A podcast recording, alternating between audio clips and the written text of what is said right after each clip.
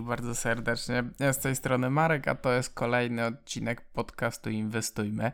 E, jest to dwunasty odcinek podcastu po długiej przerwie. E, jeżeli śledzicie mnie na Facebooku czy na Twitterze, no to na pewno wiedzieliście, dlaczego jest ta przerwa, aczkolwiek no niektórzy e, na pewno tego nie wiedzą, więc już szybko wyjaśnię. No, przygotowywałem się do do, do, do zdania egzaminu na maklera papierów wartościowych e, i był to naprawdę ciężki e, okres dla mnie, więc po prostu musiałem z czegoś zrezygnować. No z maklera nie chciałem zrezygnować, więc musiałem zrezygnować troszeczkę z podcastu, ale jedni mogą mi zarzucić, no ale egzamin na maklera był w marcu.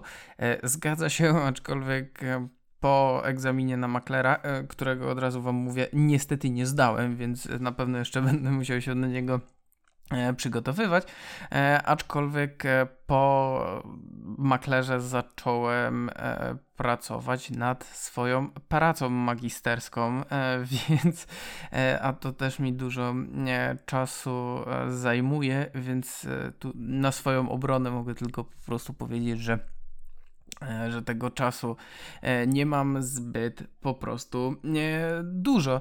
No, na pewno chciałbym wrócić e, z bardziej regularnymi odcinkami. Na pewno teraz bym chciał się skupić na jednym odcinku w tygodniu, bo no, na pewno jest to prostsze niż niż dwa odcinki. Myślę, że na jeden to, to, to, to czas jakoś znajdę. No jeżeli nie znajdę, no to po prostu w, tym, w którymś tygodniu tego odcinka nie będzie, ale będę oczywiście się starał, żeby mm, tydzień w tydzień te odcinki e, udostępniać.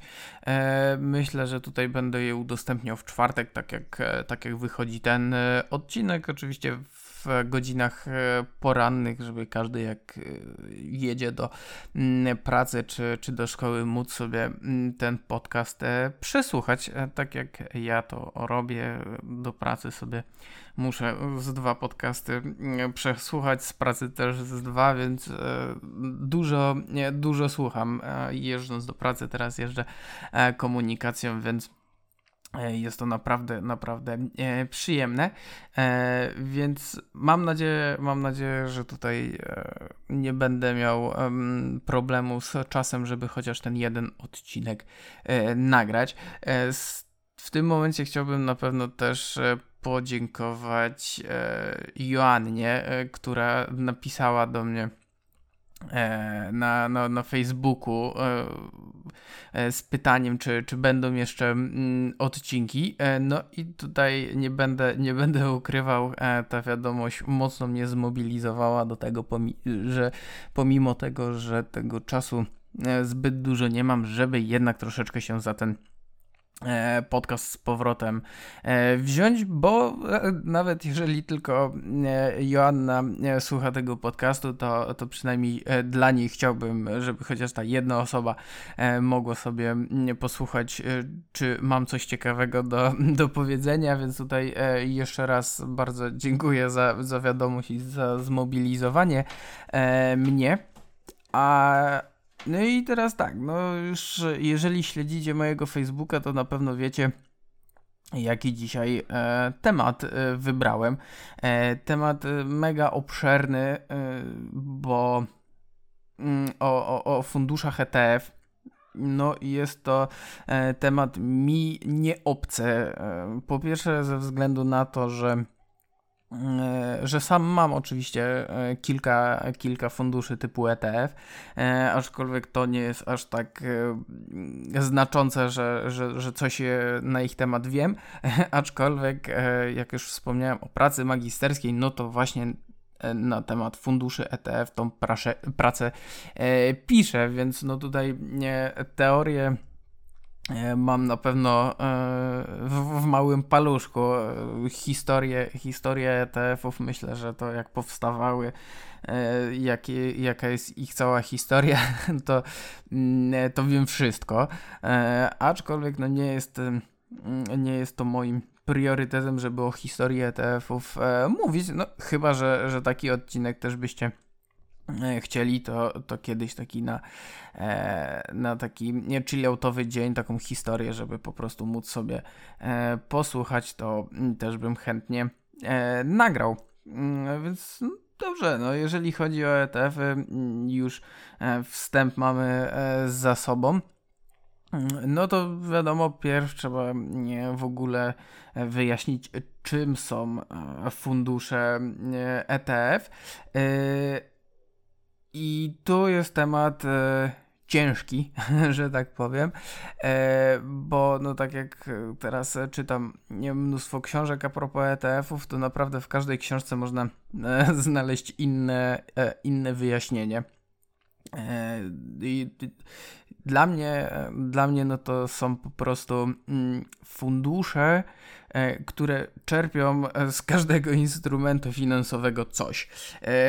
Wiadomo, to jest tak pół żartem, pół serio, Mm, ale przede wszystkim e, łączą, e, łączy ze sobą mm, fundusze otwarte z akcjami e, i już mówię dokładnie czym one się charakteryzują. No, ze względu na swoją charakterystykę z akcjami, po prostu można nimi handlować na giełdzie. Są po prostu E, dopuszczone do obrotu na giełdzie, więc można kupić sobie je e, w każdym e, momencie od na przykład innego, innego uczestnika mm, giełdy.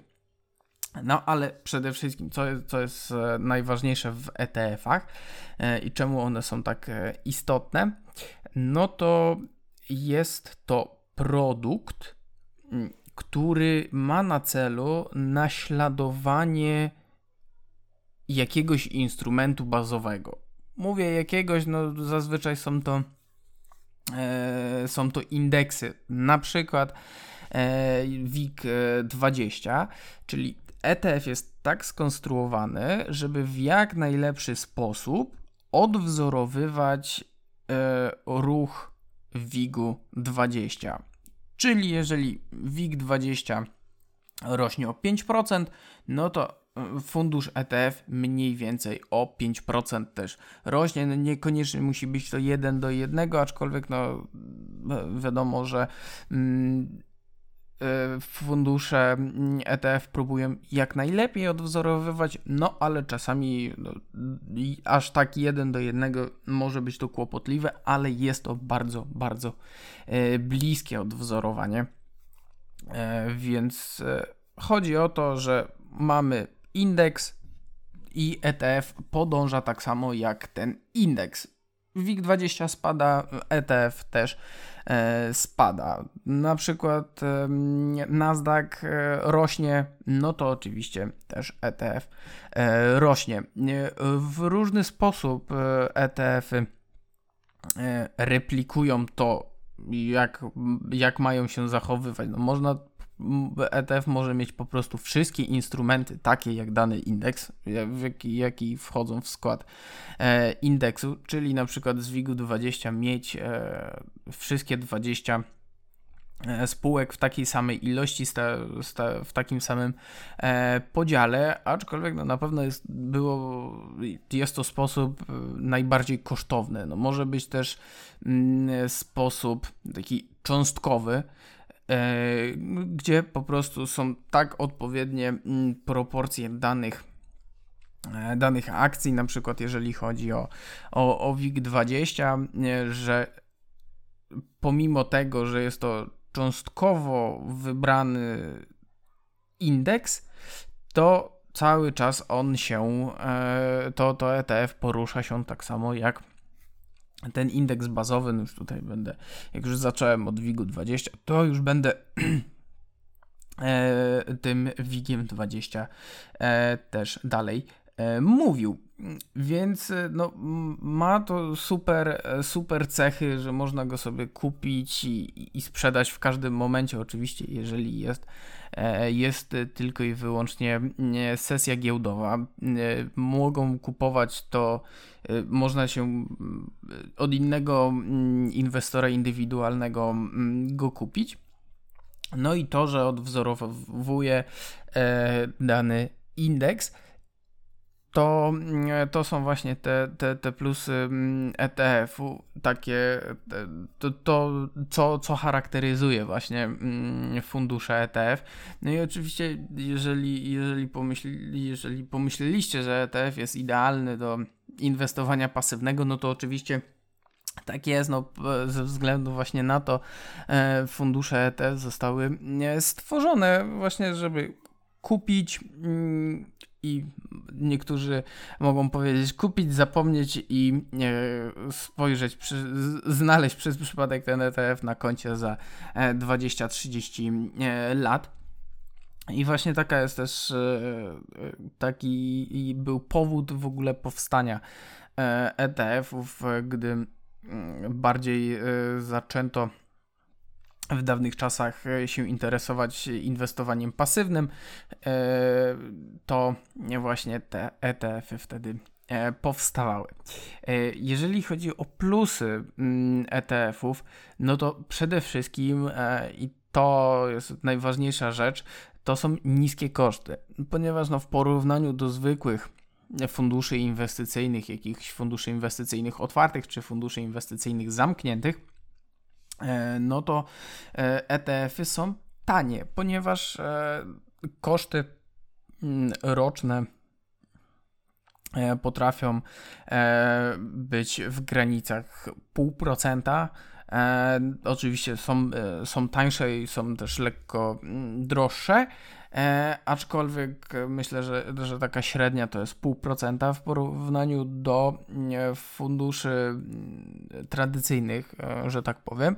Mm, no to w Polsce w tym momencie maksymalny koszt E, jakie TFI może pobierać za zarządzanie e, funduszem, e, no to jest 2%. No i zazwyczaj te fundusze tradycyjne te 2% pobierają. No to jest czterokrotna różnica, więc no te koszty naprawdę są małe. Oczywiście z czego wynikają tak małe koszty? No bo jeżeli w przypadku funduszy tradycyjnych no to jest ta osoba e, zarządzająca, jakiś doradca inwestycyjny, e, który aktywnie zarządza tym e, portfelem, czyli kupuje, sprzedaje e, akcje czy, czy, czy inne e, instrumenty. No i jeżeli kupuje i sprzedaje, no to pojawiają się koszty transakcyjne, właśnie jakieś, jakieś pro, nie, prowizje. E, w przypadku ETF-ów, no to kupujesz i nic praktycznie z tym portfelem nie robisz. No mogą być jakieś, może występować jakiś rebalancing, tak, bo na przykład w indeksie coś się e, zmieniło, e, ale no to jest kwestia tego, że tych transakcji jest o wiele, o wiele mniej. Dlatego te koszty są, e, są po prostu mniejsze. No i oczywiście ze względu na to też jest to fajny produkt, jeżeli chodzi o inwestowanie e, pasywne, no bo wiadomo, że im większe koszty roczne za zarządzanie, tym mniej w przyszłości będziemy mieli, no bo cały czas będą mm, te koszty pobierane rok w rok, a w przypadku ETF-ów po prostu te koszty są o wiele, o wiele mniejsze.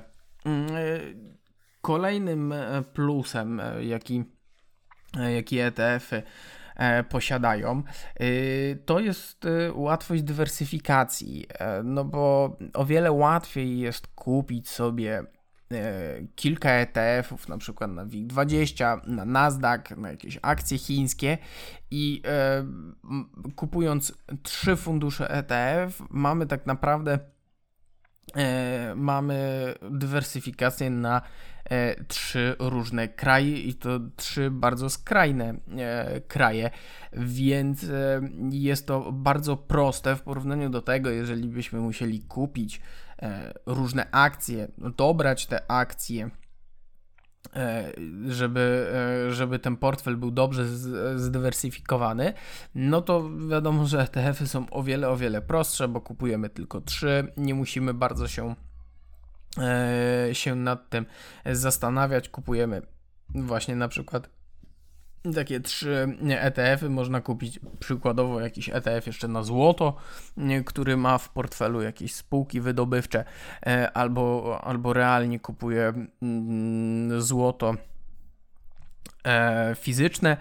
I e, mamy gigantyczną dywersyfikację w porównaniu do tego, jakbyśmy ku musieli kupić e, ilość, e, to różne spółki plus jeszcze na przykład fizyczne e, złoto, no na, no, na pewno ETF pod względem dywersyfikacji są e, super produktem, no potrafią być ETF-y, w których e, na przykład jest 4000 E, jakichś instrumentów finansowych, na przykład akcji, e, no, to jeżeli mamy pomyśleć, że byśmy e, musieli kupić 4000 akcji dla jakichś spółek różnych, no to mnie już głowa od tego boli, więc pod tym względem, no ETF-y są e, bardzo, bardzo super e, produktem. E, kolejny plus, no tu już uderzam do mm, gruntu polskiego stricte, możliwość kupowania na IKX. Mm, jest to, myślę, że, że bardzo fajny, mm, bardzo ważna sprawa ponieważ no, mogą być też, są też dwa rodzaje, takie wyróżniamy dwa rodzaje, ETF-ów, który jest alokujący środki e, i wypłacający środki. Czyli na przykład, jeżeli e, jakaś spółka, która jest w portfelu ETF-u, e, wypłaca dywidendę, no to alokacyjny ETF po prostu wliczy sobie te, te dywidendy do swojej wyceny i my nie dostaniemy na, na żadnych środków e, na konto. W przypadku oczywiście wypłacających, no to tam ta, ta dywidenda do nas e, trafi. E, aczkolwiek no, jest to też super sprawa, że można kupić to na właśnie IKE czy IGZE, no bo przede wszystkim właśnie jeżeli byśmy kupili któryś z tych e, ETF-ów, no to w przypadku jakby był wypłacający dywidendę, no to też e, nie, nie zapłaci się e, u nas przynajmniej tej, tej dywidendy, mm, a w przypadku mm, alokacyjnego, no to czy alokacyjnego akumulującego, to mm, później przy sprzedaży, przy przejściu już na emeryturę, gdy mogą e, zostać sprzedane na tych e, na tych preferencyjnych zasadach, no to wtedy też oczywiście tego e, podatku nie zapłacimy. Więc to jest super sprawa. Plus no, są różne ETF-y, no mogą też być mm, ETF-y na przykład lewarowane albo shortujące, co to też daje fajną możliwość jeżeli chodzi o IKE i IGZE, bo e, w tych produktach no, jest ciężko na przykład e, mieć produkt lewarowany, jeżeli chodzi o kontrakty terminowe, bo po prostu kontraktów terminowych na mm, tych kontach nie da się kupić. To samo, do, to samo się tyczy E, produktów, e, którymi można grać na e, spadki.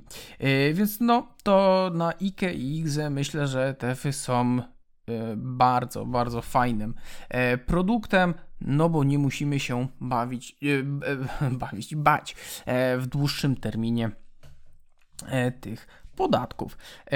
No, kolejny, kolejny plus, no to łatwość kupowania. No, już e, zacząłem praktycznie od, od tego podcast, że no, można je kupować na giełdzie. No, wystarczy mieć e, utworzony e, otwarty, otwarte konto maklerskie i można już ten ETF e, kupić. Więc jeżeli, jeżeli ma się, czy właśnie IKE, IGZE, czy, czy zwykłe konto maklerskie, no to nie jest to żaden problem, żeby kupić sobie taki ETF. No, je kupuje się mm, tak samo łatwo, jak po prostu akcje, co w porównaniu na przykład do funduszy tradycyjnych może być to o wiele łatwiejsze, bo na przykład w, e, w, w funduszach tradycyjnych, no to wiadomo, że trzeba jakąś e, umowę podpisać, czy, czy inne tego typu e, rzeczy, a jeżeli mamy konto maklerskie, to te ETF-y bez problemu można kupić. No i oczywiście można też je kupić e, zawsze podczas sesji, więc to też jest, e, to też jest e, łatwe. E, no i z tym, z tym plusem e, łączy się kolejny płynność. No, e, jest notowany, są, są to produkty notowane na, na giełdzie, więc na pewno jest je łatwo, łatwo kupić. Mm, oczywiście też są też są instytucje, które też te płynności mm, zapewniają, więc, to też jest e, pod tym względem e, na pewno gigantyczny. E, plus w porównaniu na przykład do jakichś fizów, funduszy inwestycyjnych zamkniętych. no i ostatni plus, który mam wymieniony, to jest elastyczność i chodzi mi tutaj o elastyczność e, taką, że ETF-ami e można, e, można rozgrywać jakąś inwestycję na krótko, w sensie krótkoterminowo, średnioterminowo czy długoterminowo. Są o tyle właśnie fajne produkty, że jeżeli uznajemy, że nie wiem, WIG20 będzie rósł, no to jeżeli byśmy nie chcieli e, dużo czasu spędzić na, no ale która spółka by na, na przykład e, mocniej urosła, e, no to można mm, kupić ETF na WIG właśnie tak też krótko, krótko czy średnioterminowa, terminowa, no długoterminowa, no to wiadomo, w momencie, kiedy mówiłem już o IKE i, e, i IGZE, no to też to można było e, wyczuć, że, e, że jako inwestycja długoterminowa to też się te produkty nadają. Więc jeżeli chodzi o, mm, o plusy, takie standardowe, myślę, że najprostsze, mm, nie wymyślałem tutaj jakichś bardzo skomplikowanych plusów, to, to by było na tyle. No oczywiście są też minusy, e, które, które wymienię, ale, ale to są e, dwa minusy i to tak mocno mocno naciągane. E, pierwszy minus, jaki mam, no to ryzyko. No wiadomo, no jak przy każdym produkcie inwestycyjnym, no zawsze to ryzyko się pojawia, czy to są obligacje skarbowe, czy to są opcje. E, zawsze, zawsze to ryzyko mniejsze lub większe jest. No w przypadku ETF-ów oczywiście to ryzyko, e, że stracimy po prostu pieniądze też są, czy to całość, czy, e, czy część, ale no, to, to już jest, tak jak wspomniałem, troszeczkę taki naciągany, naciągany minus, bo on jest w każdym produkcie. I drugi, no to jest brak, brak możliwości osiągnięcia ponad przeciętnej stopy zwrotu. No bo oczywiście, tak jak wspomniałem na samym początku, ETF e zachowuje się tak jak e, indeks, czyli no ETF-ami rynku nie pobijemy, bo, bo po prostu on się zachowuje tak jak, mm, tak jak rynek, więc no jeżeli ktoś e, szuka jakichś ponadprzeciętnych stóp zwrotu, że, że będzie przebijał rynek dwukrotnie, no to na pewno nie za pomocą ETF-ów, bo ETF-y po prostu poruszają się tak jak e, i instrumenty, e, na których bazują. Więc no wiadomo, że jeżeli ktoś chce zarobić dużo, no to raczej nie kupuje mm, ETF-ów, przynajmniej nie na mm, krótki termin i, i nie żeby mieć naprawdę jakąś ponadprzeciętną tą stopę zwrotu. E, jeżeli chodzi o, o ofertę mm, ETF-ów, e, bo nie każdy, nie każdy dom maklerski e, te produkty musi oferować, ale są trzy domy maklerskie, które w Polsce no, ich nawet sporą ilość oferują. No, my jeszcze w porównaniu do, do Stanów Zjednoczonych, gdzie tamtych ETF-ów jest no, mnóstwo, naprawdę byście się zdziwili, e, ile tych funduszy e, tam jest. No oczywiście no, u nas w domach maklerskich no, nie są oferowane tylko tylko polskie ETF-y, bo no, już by ich nie było tak dużo, bo w Polsce w tym momencie jest 9 albo 11, 11, bo 9 jest e, chyba od samego mm, beta ETF, e, a dwa są jeszcze od e, Lixor, więc wydaje mi się, że jest 11 e, ETF-ów takich stricte polskich, a no tych ETF-ów zagranicznych jest po prostu e, mnóstwo, że tak powiem. E, I jeżeli chodzi o te domy maklerskie, mBank, XTB i Bośbank największe oferty mają. Jeżeli chodzi o ETF-y, e, wydaje mi się, że no XTB ma troszeczkę ich mniej, Yy, chyba niż, niż mBank i, i Boś, yy, a mBank i Boś to tak porównywalnie wydaje mi się, że, yy, że mają tutaj, nie, nie, nie sprawdzałem przed podcastem dokładnie, ale jeżeli ktoś chce inwestować w ETF-y, to myślę, że te trzy, mm, trzy domy maklerskie się E, nadadzą, aczkolwiek no tutaj jeszcze pewnie nie warto by było sobie pierw e, przemyśleć, jakie by się chciało i, i, i, e, i sprawdzić, czy na pewno ten ETF jest dostępny w, w danym biurze maklerskim. Tutaj polecam u Mateusza Samołyka, Inwestomateu. On ma super, e, super e, Excela zrobionego z wszystkimi funduszami ETF, które są e, oferowane w, Pol- w tych trzech domach maklerskich. Jest u niego jest zawsze tam wypisane, jakie to są koszty, mm, po, podziały, czy, czy, czy to jest jakiś sektorowy Mm, czy, czy, czy właśnie na, na jakiś WIG, bo no tutaj jeszcze w sumie nie wspomniałem też tego, że to oprócz, oprócz e, indeksów, no to no ETF-y mogą odwzorowywać tak naprawdę wszystko. No so, jeżeli jest, jest benchmark, to, nie, to może wszystko. Są sektorowe, jeżeli chcemy tak jak wspomniałem wcześniej, ETF na złoto bez problemu, na jakieś surowce rolne, ropa, gaz, jako surowce energetyczne. Jeżeli chcemy, nie wiem, akcje e, spółek e, value, nie ma problemu z, z takimi ETF-ami, jeżeli chodzi o nie, jakieś ETF-y growth też nie ma naprawdę problemu. Tutaj e, powoli wydaje mi się, że z ETF-ami idziemy w tym kierunku, że będą oferować naprawdę nawet czasami e, absurdalne, e, absurdalne portfele, bo niedługo może być, o ile już nie jest, że na przykład ETF e, kupuje tylko i wyłącznie spółki, które zaczynają się na literę A. No, może, może tak być i wydaje mi się, że że powoli w, w tym kierunku idziemy, że, że, że tak po prostu e, będzie. Więc tutaj no na pewno e, zapraszam do, do, do Mateusza, mm, który tego Excela ma wybitnego. Ja sam często sobie z niego, z niego korzystam, sprawdzam sobie mm, różne rzeczy, więc tam na pewno Odsyłam na stronie Mateusza właśnie inwestomat.eu, tam po prawej stronie jest e, zakładka właśnie z, z Excelem.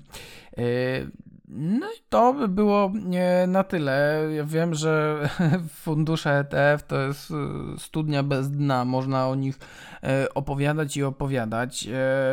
To był tylko taki e, delikatny wstępniaczek, jeżeli chodzi o ETF-y. E, myślę, że bez problemu można by było o nich nagrać 10 podcastów e, po godzinę. Aczkolwiek chciałbym się troszeczkę tutaj bardziej trzymać tych e, odcinków e, półgodzinnych e, ze względu po prostu na to, że sam słuchając podcasty wiem, że te półgodzinne są takie e, najwygodniejsze, e, więc e, to był taki wstępniaczek. na pewno, na pewno jeżeli chodzi o, o ETF, tych odcinków się pojawi pojawi więcej. Myślę, że następny odcinek e, o ETF-ach, jaki będzie, to będzie o, samym, e, o samych podatkach związanych z ETF-ami, które ETF-y wybierać, żeby to były bardziej bardziej korzystne. Też na pewno w tym podcaście bym poruszył wtedy temat formularza W8BEN, który też jest jest ważny, żeby nie być podwójnie opodatkowanym, jak inwestujemy w Stanach Zjednoczonych. Więc to by było na tyle. No ja bym oczywiście prosił o, o skomentowanie i ocenienie podcastu, e, żeby tutaj mógł po tym powrocie dotrzeć do, do jak największej ilości mm, osób. E, też oczywiście zapraszam do, do, do lajkowania na Facebooku i, i na Twitterze. Na Twitterze jestem dosyć, dosyć aktywny. E, więc tam na pewno też dużo rzeczy można, e, o, o wiele rzeczy można zapytać, coś skomentować, jeżeli, e, jeżeli coś e, napiszę. E, ja bardzo dziękuję. Mam nadzieję, że, że podcast nie brzmiał e, bardzo źle. No jednak troszeczkę z 4 miesiące nie, nie nagrywałem, więc, mm, więc mogłem troszeczkę wypaść z wprawy, ale mm, powoli, powoli wracam, będzie, będzie coraz lepiej. E, więc ja bardzo dziękuję za, za, za dzisiejszy odcinek, że dotarliście do tego momentu. No i oczywiście do następnego razu. Cześć!